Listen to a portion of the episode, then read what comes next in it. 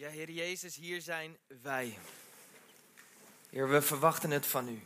Heer, en als we denken aan die kleine wolk in de verte, dan bidden we op dit moment dat die in de zaal mag komen. En dat we verfrist mogen worden door de, door de regen en de zegen van uzelf. Heer, dat de plekken in ons leven die misschien al jarenlang droog zijn, weer tot bloei mogen komen. Heer, het is een voorrecht om hier te mogen zijn in vrijheid, om te horen uit het woord, om te aanbidden. Heer, we weten ook dat één woord genoeg is om ons leven weer op de kop te zetten. Heer, maar dat moet wel een woord zijn gesproken door uzelf. En hier ben ik als levend offer, als dienaar, om te doen wat u van mij vraagt. Heer, ik bid voor ontvankelijkheid van een ieder die hier is, om het woord ook tot zich te nemen en ook ja, ervoor open staat om het te ontvangen. Heer, ik bid voor de mensen die hier al heel lang komen, dat het vandaag weer vernieuwend zal zijn en voelt als de eerste dag. En voor degenen die hier voor de eerste keer zijn, Heer, ik bid ook dat u iets heel bijzonders gaat doen in hun leven. In Jezus' naam, amen.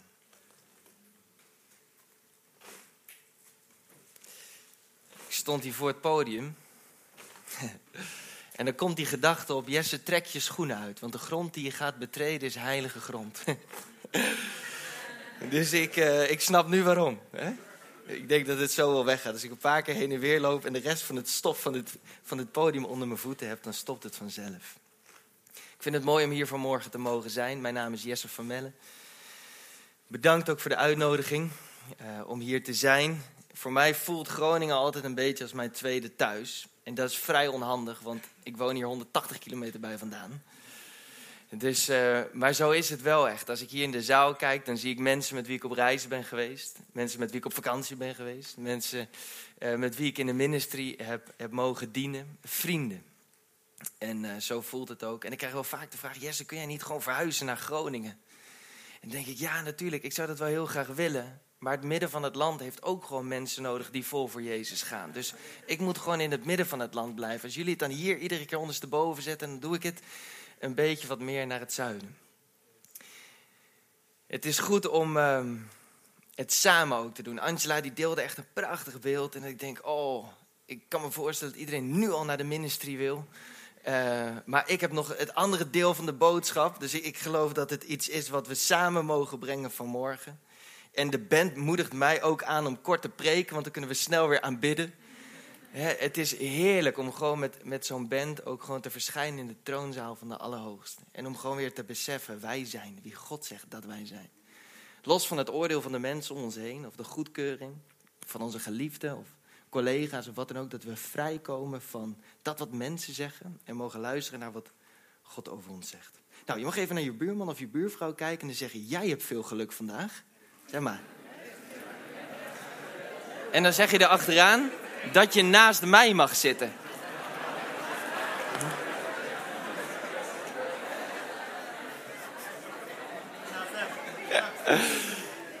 Oké. En dan mag je naar je andere buurman of buurvrouw kijken, je minst favoriete, want anders was je daar wel als eerste heen gegaan.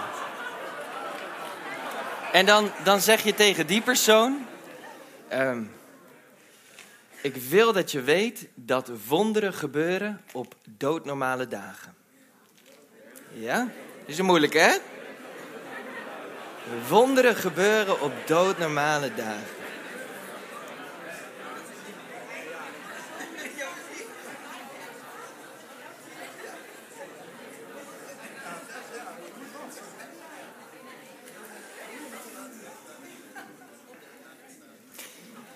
Als we hier bij elkaar zitten, dan gaat de Bijbel open. En waarom? Als we samenkomen zonder dat we God de ruimte geven, dan zijn we eerder een soort vereniging die geïnspireerd kan gaan worden. Een soort bijeenkomst van mensen die getraind worden, die misschien wel een nieuwe manier van denken krijgen en anders gaan kijken naar de wereld. Maar op het moment dat we samenkomen in de naam van God, dan is het niet alleen inspirerend, maar is het transformerend gebeurt er iets in ons hart. Kan ons hart vernieuwd worden. Ik heb een verlangen om altijd te preken over recht. Maar recht heeft vele vormen.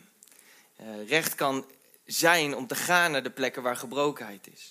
Maar recht is ook de wijken ingaan, zoals een aantal van jullie gaan doen ook de aankomende week, om daar Jezus bekend te maken.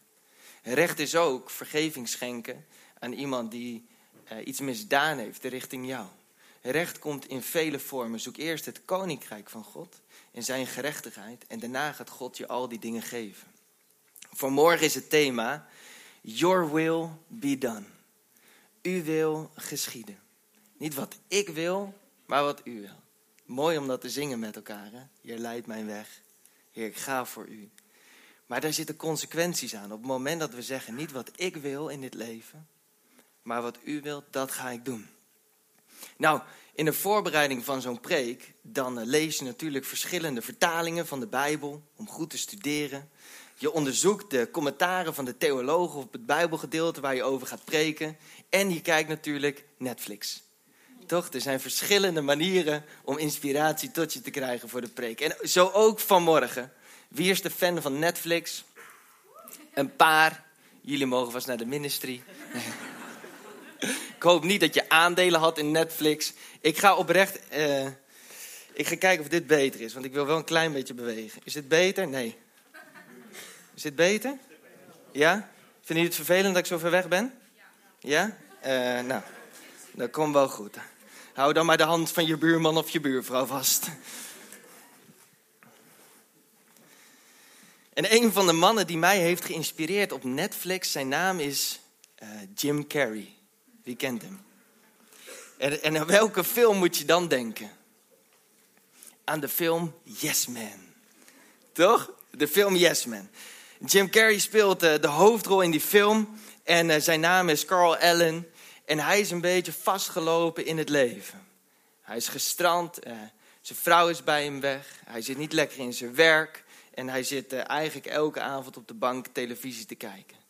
Hij is soort verzeld geraakt in de sleur van het dagelijkse leven. En dan komt er in één keer een vriend die hem meesleurt naar de kerk. Nee, naar een conferentiecentrum. Want daar kan hij een yes man worden. Er is soms maar één woord nodig wat jouw volledige leven ondersteboven kan zetten. En in het leven van Jim Carrey zou dat het woord ja zijn. Een yes man is iemand die ja zegt tegen alles wat op zijn of haar pad komt. En hij staat daar in het conferentiecentrum en uit de duizenden mensen wordt hij uitgekozen. En de hele zaal wordt helemaal gek en, en moedigt hem aan om iemand te worden die tegen alles ja zegt. En zodra hij het conferentiecentrum verlaat, twijfelt hij nog aan alles. Is dat wel een goed besluit? Maar hij heeft gezegd, ja, ik ben een yes man. Nou, en voor je het weet staat er iemand uh, naast zijn deur, een zwerver die een lift nodig heeft. En het eerste wat hij denkt, deze man ga ik niet helpen. Maar die man vraagt, mag ik met jou meerijden? En zijn vriend zegt, dit is je kans. En hij zegt, ja, dat is goed. Die man komt in de auto, mega onbeleefde uh, lifter. En op een gegeven moment, het is ook een zwerver en hij stapt uit en hij vraagt nog, mag ik wat geld van je? Dus ik denk, oké, nou, dat zal er ook wel bij horen. Dus hij pakt zijn portemonnee, doet zijn portemonnee open, pakt al zijn briefjes en geeft één zo'n briefje aan de zwerver. Dus die zwerver die kijkt. Ik denk, jij hebt nog wel meer. Hij zegt, vind het anders goed dat ik alles uh, krijg? Nou, dus hij geeft alles, want hij is een yes man. Hij zegt ja. Ondertussen komt hij zonder benzine te zitten, heeft hij geen geld meer, moet hij al lopen naar de benzinetank om daar te kijken of iemand hem verder kan helpen. Doordat hij ja zegt op alles, raakt hij eigenlijk een beetje in de penarie. Maar door de film heen ontdekt hij ook de liefde van zijn leven. Raakt hij uit de sleur van elke dag en komt hij tot leven. Het is echt een mega leuke film waarin je ontdekt dat ja zeggen tegen iets jou tot leven kan wekken. En waarin eh, Jim Carrey in de film Yes Man ja zegt tegen de normale dingen in het leven, mogen wij gaan zoeken tegen welke dingen wij ja mogen zeggen in ons geloofsleven. Niet alleen om uit de sleur te komen, maar om te zoeken naar de plannen van God en zelf een yes man of een yes vrouw te worden die zegt: Ja, Heer, ik doe wat u van mij vraagt. Dat is wel een spannende en het is niet een gemakkelijke. En dat is dat is iets wat in mijn leven ook hartstikke zichtbaar wordt. Ik weet de eerste keer dat ik heel helder hoorde van God: ik wil dat je ja tegen iets zegt waarvan je zelf nog niet weet wat de consequenties zijn. Ik ben nu uh, ondertussen 29 jaar en ik denk een jaar of 13 geleden, uh, toen begon ik met, uh, Nou, niet met spreken. Ik was 18. Dus 11 jaar geleden begon ik met spreken. En ik had niemand die mij onderwijs kon geven. Of uh, een mentor in mijn leven of wat dan ook. En toen moest ik denken aan één iemand die ik een keer op een conferentie had ontmoet. En God sprak tot mijn hart: Deze persoon wordt jouw mentor. Toen dacht ik, nou super, als de Heer dat tegen mij zegt, dan gaat het wel gebeuren. En ik dacht, ik moet die persoon niet zelf bellen, want dan kan ik hem misschien wel overtuigen om mij te gaan coachen. Twee weken later belt die persoon mij op en zegt, Jesse, ik wil dat jij naar Amersfoort komt, want ik heb een vraag aan jou. Ik dacht, nou, dat is wonderlijk. Dus ik ging uh, naar het huis van die, van die man toe en ik ging daar zitten en ik had het idee dat God tegen mij zei, wat hij ook aan jou vraagt, ik wil dat je ja zegt. En ik dacht, ik weet al wat de vraag is. Hij gaat vragen of hij mij mag coachen. Dat zat in mijn hoofd. Dus ik kom daar aan, ik krijg een bak koffie, ik zit daar. En hij stond op het punt om directeur te worden van Athletes in Action. En hij zei, Jesse, ik ben aan het bidden voor een team. En God geeft jouw naam op mijn hart. Vind je het leuk om bij ons te komen werken? En ik zei, ja. Dat ga ik doen. En ik blijf net zo lang werken voor de club als, als jij directeur bent. Dus uh, dan heb je in ieder geval één medewerker, zolang jij leiding geeft. Eh, of dat nou tien jaar is of één jaar, ik ben erbij. Uiteindelijk bleek dat vier jaar te zijn. Maar ik wist niet waar ik ja tegen zei. Maar ik wist dat het een plan van God was, waarin ik eigenlijk niet zo heel veel keuze had om het af te wijzen. Ik was zo nieuwsgierig dat ik zei, heer, dit wil ik doen. De consequenties waren groot. Ik moest vier jaar lang mijn eigen salarisfonds werven. Ik moest uh, gaan naar plekken waar niemand wilde komen. Ik ging de wijk in. Zeven jaar lang ben ik de wijk in gegaan. Op een veldje in Soest, in weer en wind, om daar het evangelie te brengen. Ook al kwamen er maar drie kinderen opdagen. De consequentie van mijn ja was niet per se altijd makkelijk. Maar uiteindelijk bracht het me wel in geloofsavonturen. En het is een houding waarin we zeggen: niet mijn wil, maar uw wil geschieden. Het meest bekende gebed lezen we in Matthäus hoofdstuk 6. Als de leerlingen vragen aan Jezus, hoe moeten wij bidden? Dan zegt Jezus, bid daarom als volgt. In Matthäus hoofdstuk 6, vers 7, uh, of vanaf vers 8. En je verwacht dat het nu op de biermer komt, maar dat gebeurt niet. Dus als je mee wil lezen, dan mag je je telefoon pakken. Of je mag mij vertrouwen dat ik precies oplees wat hier staat. Ja? Bid daarom als volgt. Onze Vader in de hemel Laat uw naam geheiligd worden. Laat uw koninkrijk komen. En uw wil worden gedaan. Op de aarde, zoals ook in de hemel. Your will be done. Als de discipelen vragen, Heer, moeten wij, hoe moeten wij bidden? Dan, dan zegt Jezus het voor, bid dat de hemel op aarde komt. En dat niet onze wil, maar de wil van God gestalte gaat krijgen. Ik weet niet hoe het uh, met jou vergaat, maar als ik kijk naar de nieuwskanalen, dan weet ik één ding heel zeker: de wereld staat in brand. En er zijn mannen en vrouwen nodig die in deze tijd opstaan en ja zeggen tegen de plannen van God om de wereld weer te gaan vernieuwen. Als we lezen in Matthäus 28, dan staat daar de opdracht om de wereld bekend te maken met wie God is. Ga heen, maak alle volken tot mijn discipelen. Het is een mega grote opdracht en op het moment dat je zegt, ja heer, ik ga die opdracht aan, dan kun je de consequenties nooit overzien. Maar toch zijn er mensen nodig die opstaan. Als we kijken naar ons land, dan weten we dat er 25.000 vrouwen elke dag, Groningen niet uitgezonderd, worden gedwongen tot prostitutie. En we weten dat het gebeurt. Voor mijn werk, later in mijn leven heb ik nog zo'n moment gehad voor een baan, waarin mij werd gevraagd om te solliciteren als teamleider van de Muscatlon. en uh, ik had in mijn hart al de overtuiging, ik moet solliciteren, dit is, dit is wat ik moet gaan doen. Maar ik wist dat het met buitenland te maken had en met hardlopen. En ik had vooral heel veel met Nederland en niet met het buitenland. En ik had al sowieso een hekel aan hardlopen. En voor de muscatlon moet je marathons lopen en heel veel geld ophalen en al die dingen. Ondertussen uh, hou ik van het buitenland, maar nog steeds niet van uh, hardlopen. Maar ik doe het wel omdat ik geloof in de missie. Al moeten we kruipen, al moeten we naar de woestijn. We, gaan naar de grens van Noord-Korea, we gaan naar de sloppenwijken van Afrika. Maar we gaan ook naar de bordelen in Amsterdam. We komen ook op de plekken van die vergeten worden of voor worden genomen of die niet meer worden gezien. Eh, God is de wereld aan het vernieuwen en dat doet hij door jou en door mij heen. En het zijn, het zijn mannen en vrouwen die zeggen ja. Heer, uw plan om de hemel op aarde te brengen, om te gaan naar de plekken van gebrokenheid, om daar tot zegen te zijn. En ik kan de consequenties niet overzien, maar ik ga wel doen wat u van mij vraagt. Door de Bijbel heen heb je een aantal yes-mens uh, en vrouwen ook, een van die mannen is bijvoorbeeld Abraham. Abraham die, uh, die heeft op een gegeven moment een gesprek met God. En dan zegt, uh, zegt Abraham, Heer, hier ben ik. En het woord wat hij daar gebruikt, en vandaag is de preek heel simpel, je hoeft maar één woord te onthouden. Dus niet een zin of wat dan ook, één woord. En dat woord wat Abraham uitspreekt is hineni. Dat is wel een moeilijk woord, heb je gelijk in. Hineni. Waarin je zegt, God als u spreekt, dan luister ik. En ik ga doen wat u van mij vraagt, nog voordat ik weet wat de opdracht is. Dat is geloof. Dat is hineni. En daarna zegt God tegen Abraham, ik wil dat je Isaac gaat offeren. Dat is een spannende opdracht. Maar hij had al hineni gezegd. Hij had al gezegd, God, ik ga doen wat u van mij vraagt. We lezen het verhaal van, uh, van Mozes in Exodus. En die begint al een stuk eerder. Mozes is opgegroeid aan het hof van Egypte. Hij is als klein babytje verstopt in het riet en gevonden door de dochter van de farao.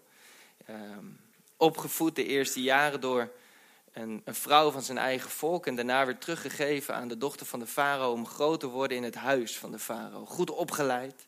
En hij zwaaide met de scepter van Egypte, de prins van Egypte. Dus de belofte voor zijn leven was echt mega comfortabel. En in één keer komt er een moment dat, dat het leven wat hij heeft ook gaat schuren met waar hij vandaan komt, waar hij bij hoort, zijn eigen volk. En hij ziet dat er op een gegeven moment een conflict is tussen een Egyptenaar en, en een, Israëliet, iemand van zijn eigen afkomst. En hij, hij grijpt in in dat conflict. Want hij ziet dat zijn eigen volk wordt onderdrukt en hij denkt, dit moet stoppen. Ze mogen niet meer als slaaf behandeld worden. Iemand moet ingrijpen. En Mozes die, die springt in dat conflict en die slaat de man dood. En hij probeert dat weg te moffelen, maar de volgende dag komt het eigenlijk al aan het licht. En hij durft niet meer te blijven in Egypte en hij vlucht. Dus hij verlaat zijn comfortabele leven en hij belandt in de woestijn. En ze laat er ook over. Hij belandt in de woestijn. Mozes belandt in de woestijn. En waarin hij eerst een scepter in zijn hand heeft, lezen we dat hij nu een staf in zijn hand heeft.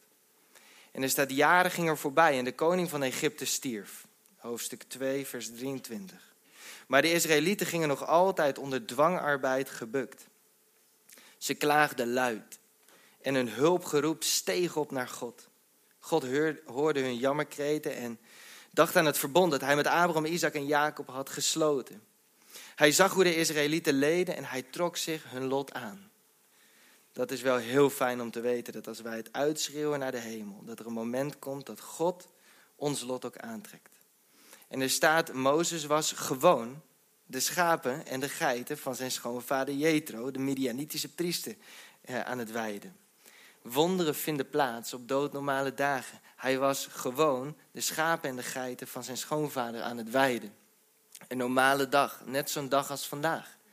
Je komt gewoon weer naar de kerk. Je bent gewoon op je fiets gestapt of in de auto gestapt en je bent gewoon deze kant op gekomen. Maar er is soms maar één woord nodig wat je hele leven ondersteboven kan zetten. Ja, hineni, God hier ben ik. En dan loopt hij daar en er staat er, eens dreef hij de kudde tot voorbij het steppenland. En zo kwam hij bij de Horeb, de berg van God. En daar verscheen de engel van de Heer aan hem, in een vuur dat uit een doornstruik opvlamde. Mozes die zag dat de struik in brand stond en toch niet door het vuur werd verteerd. En hij dacht, hoe kan dat nou? Dat die struik niet verbrandt. Ik ga dat wonderlijke verschijnsel eens van dichtbij bekijken. En dan staat er, maar toen de Heer zag dat Mozes dat ging doen, riep hij hem uit de struik. Mozes, Mozes. Het is een normale dag.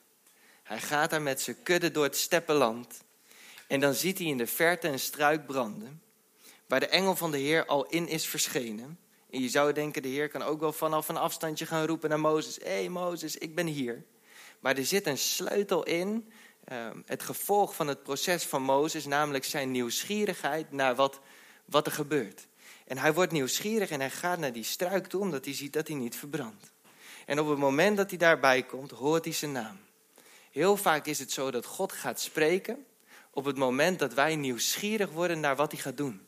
Soms heb je een gedachte in je leven van, zou die baan wat voor mij zijn? Wil, wil de Heer mij daar hebben? Blijf dan niet op een afstandje, maar kom dichtbij. Want als je dichtbij komt, dan kan, dan kan het zomaar zijn dat de Heer begint te spreken. Ja, Heer, moet ik nou uh, een taak opnemen in de gemeente? Nou, kom maar eens dichtbij. Ga maar eens kijken welke taak dat misschien zou zijn. En dan word je misschien wel bevestigd dat je dat gaat doen.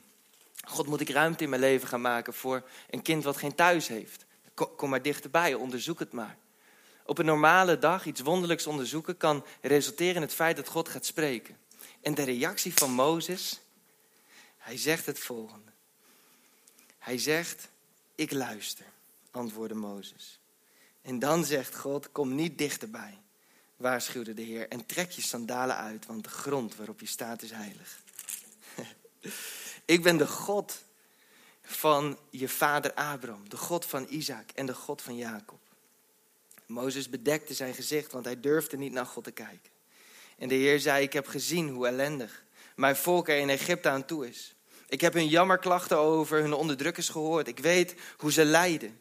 En daarom ben ik afgedaald om hen uit de macht van de Egyptenaren te bevrijden. En om hen uit Egypte naar een mooi en uitgestrekt land te brengen. There is a cloud beginning to swell. De wolk wordt groter. Ik, ik ga ze brengen naar een land, een land dat overvloeit van melk en honing. Het gebied van de Canaanieten, de Hethieten en nog allemaal andere Iten die ik niet ga opnoemen. Dat is een lange lijst. De jammerklacht van de Israëlieten is tot mij doorgedrongen en ik heb gezien hoe vreed de Egyptenaren hen onderdrukken. En daarom stuur ik jou nu naar de farao. Jij moet mijn volk, de Israëlieten, uit Egypte wegleiden. En voordat God de opdracht geeft, zegt Mozes, nadat hij zijn stem hoort, Mozes, Mozes, reageert hij met Hineni. Hij zegt, God als u het bent, spreek dan tot mij. En ik ben bereid om te doen wat u van mij vraagt, nog voordat ik weet wat de opdracht is. En dan zegt God, ik ben het inderdaad.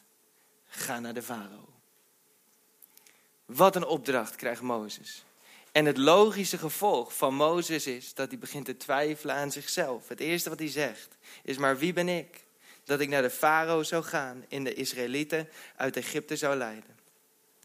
En dan is Gods antwoord, ik zal, je, ik zal bij je zijn.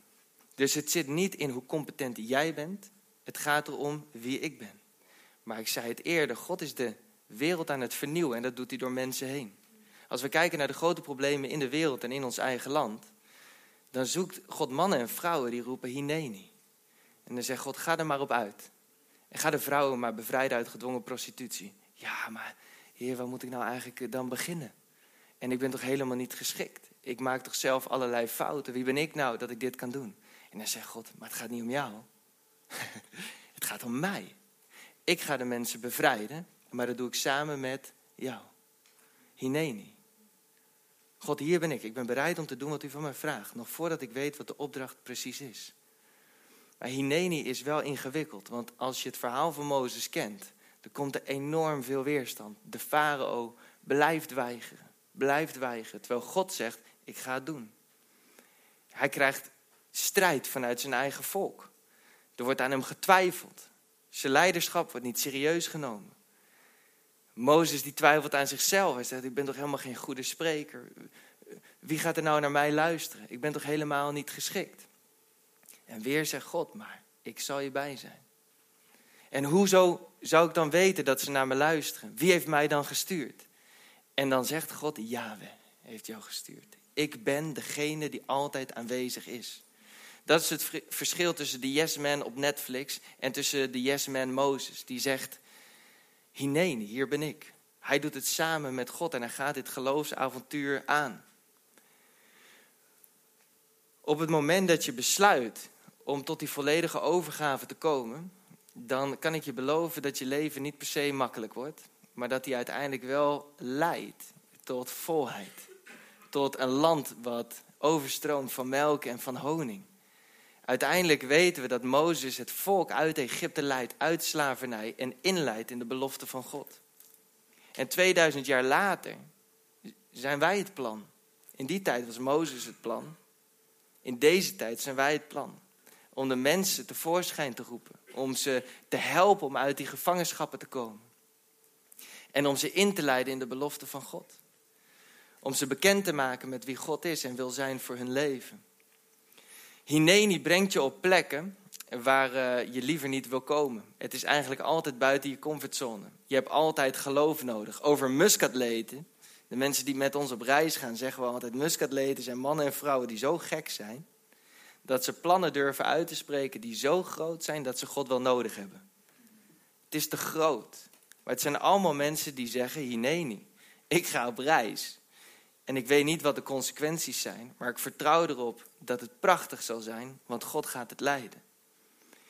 Kort geleden was ik zelf in Afrika. Ik kom in mijn leven steeds weer op het punt waarin ik het niet wil zeggen, omdat het vaak ook te moeilijk is of te pijnlijk is. Ik vind het, ik vind het te ingewikkeld om hier niet te zeggen. En op een of andere manier, door Gods genade, kom ik wel weer iedere keer op het punt dat ik zeg: God, maar ik ga dan toch. Waarin Europa in één keer ondersteboven gaat door een, oorlog vanuit Rusland en het hele land gaat geven om wat er gebeurt daar aan de grens, zie je dat de aandacht vertrekt bij de plekken waar het ook al heel lang nodig was. Dus hoe mooi het ook is om, om daar te helpen, dat moeten we ook blij, blijven doen. Maar ondertussen moeten we ook kijken naar de plekken die worden vergeten. De plekken waar al heel lang hongersnood is. De plekken waar al heel lang mensen op de vlucht zijn. En ik zeg altijd, wat er gebeurt in Europa is prachtig, want er komt een gevoel van medemenselijkheid tevoorschijn. Ik heb mensen zien geven die nog nooit eerder in hun leven hebben gegeven. Mensen hebben hun huizen opengesteld waarin ze dachten dat ze dat nooit zouden doen. Dus het is prachtig wat er gebeurt. De bijkomende schoonheid van de oorlog is dat mensen het gevoel hebben, het komt dichtbij. En hun gevoel van compassie wordt tevoorschijn geroepen en ze gaan helpen. Maar wat je ziet is dat we massaal, ik noem dat maar sjoelen op de vier, is dat wat wij doen is alle resources die wij hebben, alle steentjes, zijn we massaal aan het sjoelen op de vier, omdat we het gevoel hebben dat we daar de meeste punten mee kunnen behalen. En uiteraard moeten we dat ook blijven doen. Moet, moet er ook mensen zeggen, nee, hier ben ik en ik ga helpen daar. Ik ga sjoelen op de vier. Maar ik weet niet of je het spelletje wel eens hebt gespeeld. Maar als je wilt winnen, dan moet je ook op de drie, de twee en de één sjoelen. Toch? Want op het moment dat je dat doet en er wordt overal gescoord, dan krijg je allemaal bonuspunten. En als God sjoelt op deze aarde, dan doet hij dat niet alleen maar op de vier. Dan doet hij dat ook op de drie, de twee en de één. Ook op de plek, niet alleen de oorlog in Oekraïne, maar ook de mensenhandel in Groningen. Ook de sloppenwijken in Tanzania. Ook de vervolgde kerk in Noord-Korea. De liefde van mensen stroomt vaak naar het diepste punt. Dus wat ons het meeste raakt in de emotie, dat is waar onze liefde en onze middelen naartoe gaan. Maar het hart van El Shaddai, het hart van God, zorgt ervoor dat zijn liefde op al die plekken uitkomt. Maar ik zei het al eerder, God doet op aarde niks dan door zijn mensen heen. Dus als wij sjoelen op de vier, wie gaat dan de liefde brengen naar de plekken die worden vergeten? mijn conclusie is dit. Um, er zijn heel veel mensen die geven om Oekraïne. Wij mogen weer onderzoeken in ons eigen hart. Welk stukje heeft God aan ons gegeven? En misschien is het wel de één waarvan je denkt, nou haalt dit wel wat uit. Maar weet dat in het geheel van het plan van God om de wereld te vernieuwen, de één net zo belangrijk is als de vier. dus we mogen ook nadenken over God, hoe wilt u ons inzetten? In de wijk, in de kerk, misschien inderdaad wel in een vorm van onrecht als mensenhandel of extreme armoede. Hineni gaat je brengen op plekken die mega oncomfortabel zijn. Kort geleden was ik in, in uh, het noorden van Tanzania, in Sengerema. In een lokaal ziekenhuis. Ik kan je één ding vertellen over Afrika. Uh, ze zijn er niet op vooruit gegaan in een periode van COVID. Dus het is mega heftig om te zien wat de gevolgen zijn op een plek waar al extreme armoede was. En het voelt als een, als een bodemloze put, dat als je daar gaat helpen, dat het bijna niet uitmaakt. En ik kom daar in een ziekenhuis en ik zie de medische gevolgen van extreme armoede. En je loopt dan door de zalen heen en je ziet de zieken liggen. Het is heel gek, in Nederland moet je alles steriel en weet ik het allemaal. Nou, het ziekenhuis ruikt net zoals hier beneden. Echt, als je hier binnenkomt lopen, zo ruikt het ziekenhuis in Sengerema, het lokale ziekenhuis. En we lopen daar en er ligt daar een meisje met een, een open wond in haar been. En ze is al naar de medicijndokter geweest van haar dorp, want dat is ja, een soort van gratis. En haar, haar, haar been is helemaal open. En ze ligt daar te wachten totdat haar vader terugkomt met 100 dollar, zodat ze geopereerd kan worden. Maar haar vader is al weken weg om geld te verdienen. En wij weten dat het moment dat hij terug is, zij al lang haar been kwijt is. 100 dollar. Dus ik had gezegd, het is een Oekraïens meisje van 14 wat geraakt is door een scherf in de oorlog. We hebben 100 dollar nodig, wie wilt betalen? Boom, iedereen. Dat zijn de plekken waarvan we denken, het, het is een gebed zonder einde. Het heeft niet zoveel zin om daar wat te doen. Maar daar zijn de mensen nodig die zeggen, hineni. God, ik ben bereid om te gaan, ook al weet ik niet wat de consequenties zijn. Ik loop in het ziekenhuis in Sengerema en ik kom op de couveuse afdeling. En in de ochtend liggen daar zeven baby's. Die uh, in apparaten liggen, voorzien van stroom, om ervoor te zorgen dat ze warm blijven en blijven leven. De middag dat ik daar wegga, liggen er nog vijf. Want de stroom van het ziekenhuis valt de hele tijd uit. En dan is er wel een noodgenerator, maar die zorgt er alleen voor dat de operatiekamers dan blijven draaien. Levens zijn daar bijna inwisselbaar. Terwijl zij zijn onderdeel van hetzelfde lichaam. En als onze hand afsterft, dan kunnen we toch niet zeggen, die hebben we niet nodig. Dus het is aan ons om fijngevoelig te worden. Wat is, het, wat is het hart van God en hoe mogen wij daar een stukje van vertegenwoordigen? Ook op de plekken waar niemand anders wil komen. En op een gegeven moment valt ook de noodgenerator uit. En komt de operatiekamer zonder stroom te zitten. En ik loop daar door de gang en ik kijk de operatiekamer in. Het is pikken donker. Ik zie een paar kleine lichtjes. En ik was op de afdeling van de hoogzwangere vrouw. En er zit een, een vrouw op het bed. En die staat op het punt om te bevallen. Maar ze moet een keizersnee, want het babytje in haar is aan het stikken. Dus ze moet snel geopereerd worden, anders overleeft het kind het niet. En ik zie een aantal chirurgen daar met telefoontjes bijschijnen als ze de ruggenprik zetten. Als je een ruggenprik zet en dat gaat verkeerd, kun je verlamd raken. Dus de stroom is uit, ze hebben geen verlichting. En ik sta daar met onze videograaf buiten de OK met zulke ogen. Wat gaat er gebeuren? En wij worden naar binnen geroepen. Dus wij naar binnen en we pakken onze iPhone en wij schijnen ook maar bij. Wat kun je doen? Toen bedacht onze videograaf, die zei, ik heb in het huisje nog een lamp liggen met een accu. Echt zo'n bouwlamp. Dus ik zei, dan gaan we die halen. Dus wij sprinten naar het huisje. Bouwlamp opgehaald, accu erin gestopt. En voordat ik het wist, stond ik op anderhalve meter bij te schijnen. Als een soort lichtassistent in een lokaal ziekenhuis in Afrika. Terwijl er een baby ter wereld kwam door een spoedkeizersnee.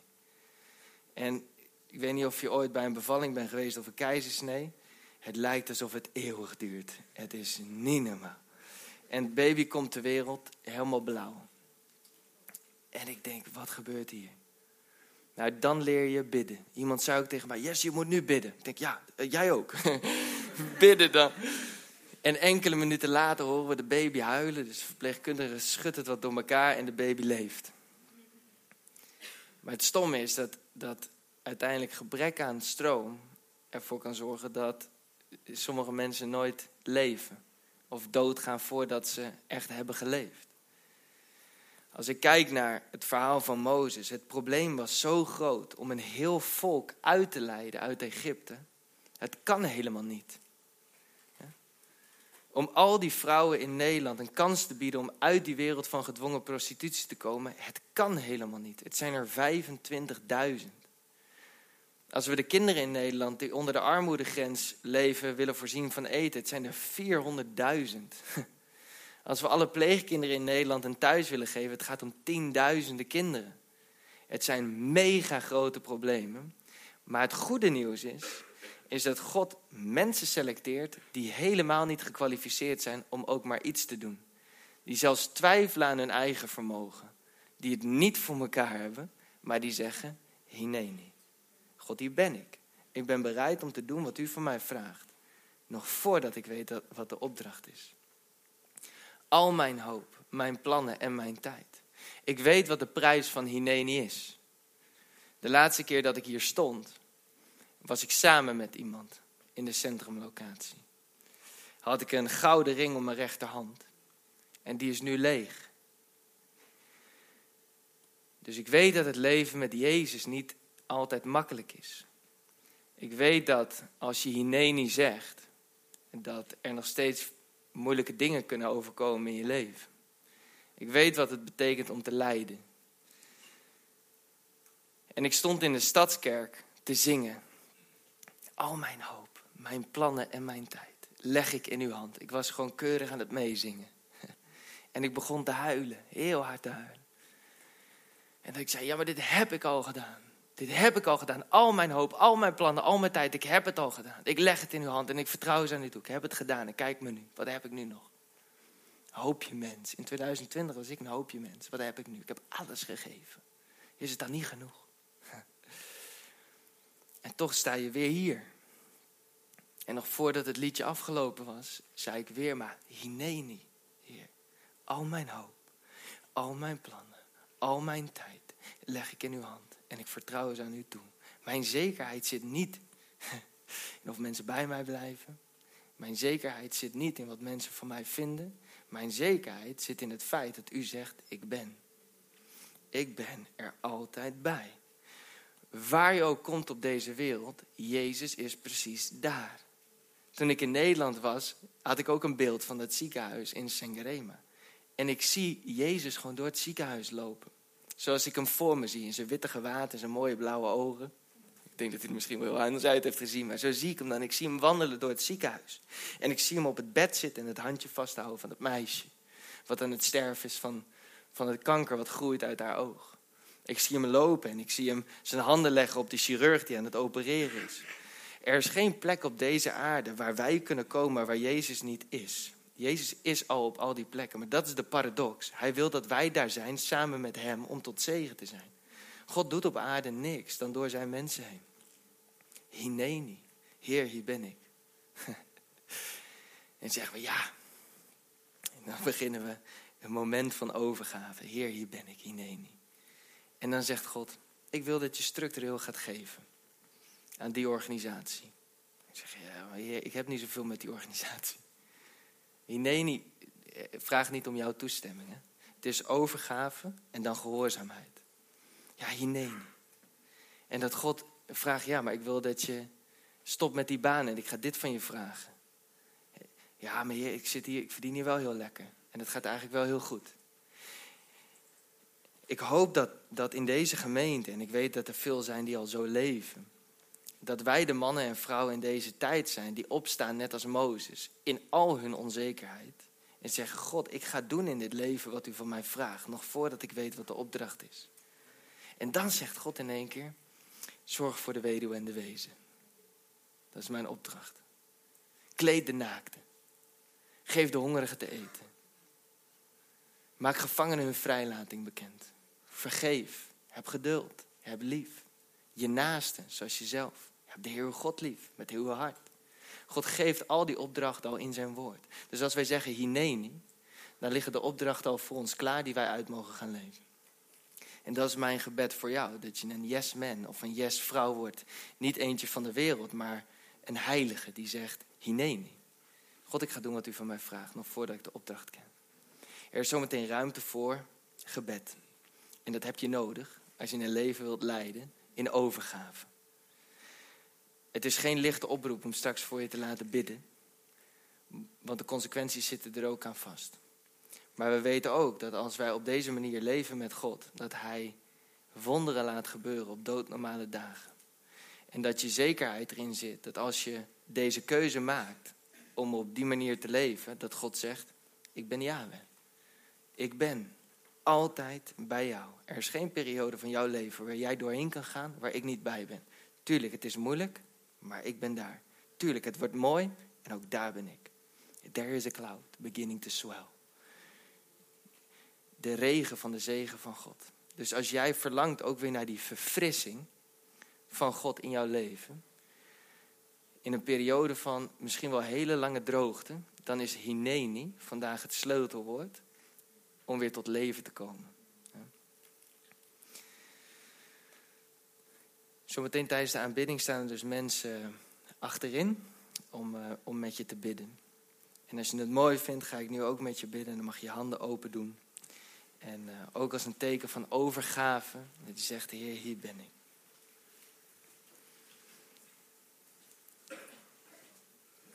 U bent een God van de hemel en van de aarde. U bent een God van heel ver weg en van dichtbij. U bent een God van de rijken en van de armen. Van de villa's en van de sloppenwijken. Heer, u bent een God in wie iedereen past. U bent El Shaddai, God Almachtig. Heer, en ik bid voor de mensen hier in Groningen dat we beseffen dat dit moment een bijzonder moment is. Dat we hier niet zomaar zijn, maar dat het een boodschap is die we op een doodnormale dag moesten horen. Om aangewakkerd te worden en aangevuurd te worden om een levenshouding te omarmen van hineni, van overgave. Heer, en ik bid dat we met elkaar de moeilijkheden trotseren die de wereld kent. Van slavernij, van armoede, van vervolging, van vluchten voor de oorlog. Heer, ik bid dat we opstaan en onze hand uitreiken namens u naar de mensen die dat zo hard nodig hebben. Heer, we bidden ook voor uw zegen op ons leven, ook in perioden van moeilijkheden. Heer, we weten dat leven met u ons niet vrijstelt van ellende, maar we weten dat u er wel bij bent. Heer, zo bid ik een zegen over en ieder die hier zit. Heer, wees ons nabij in uw machtige naam. Amen.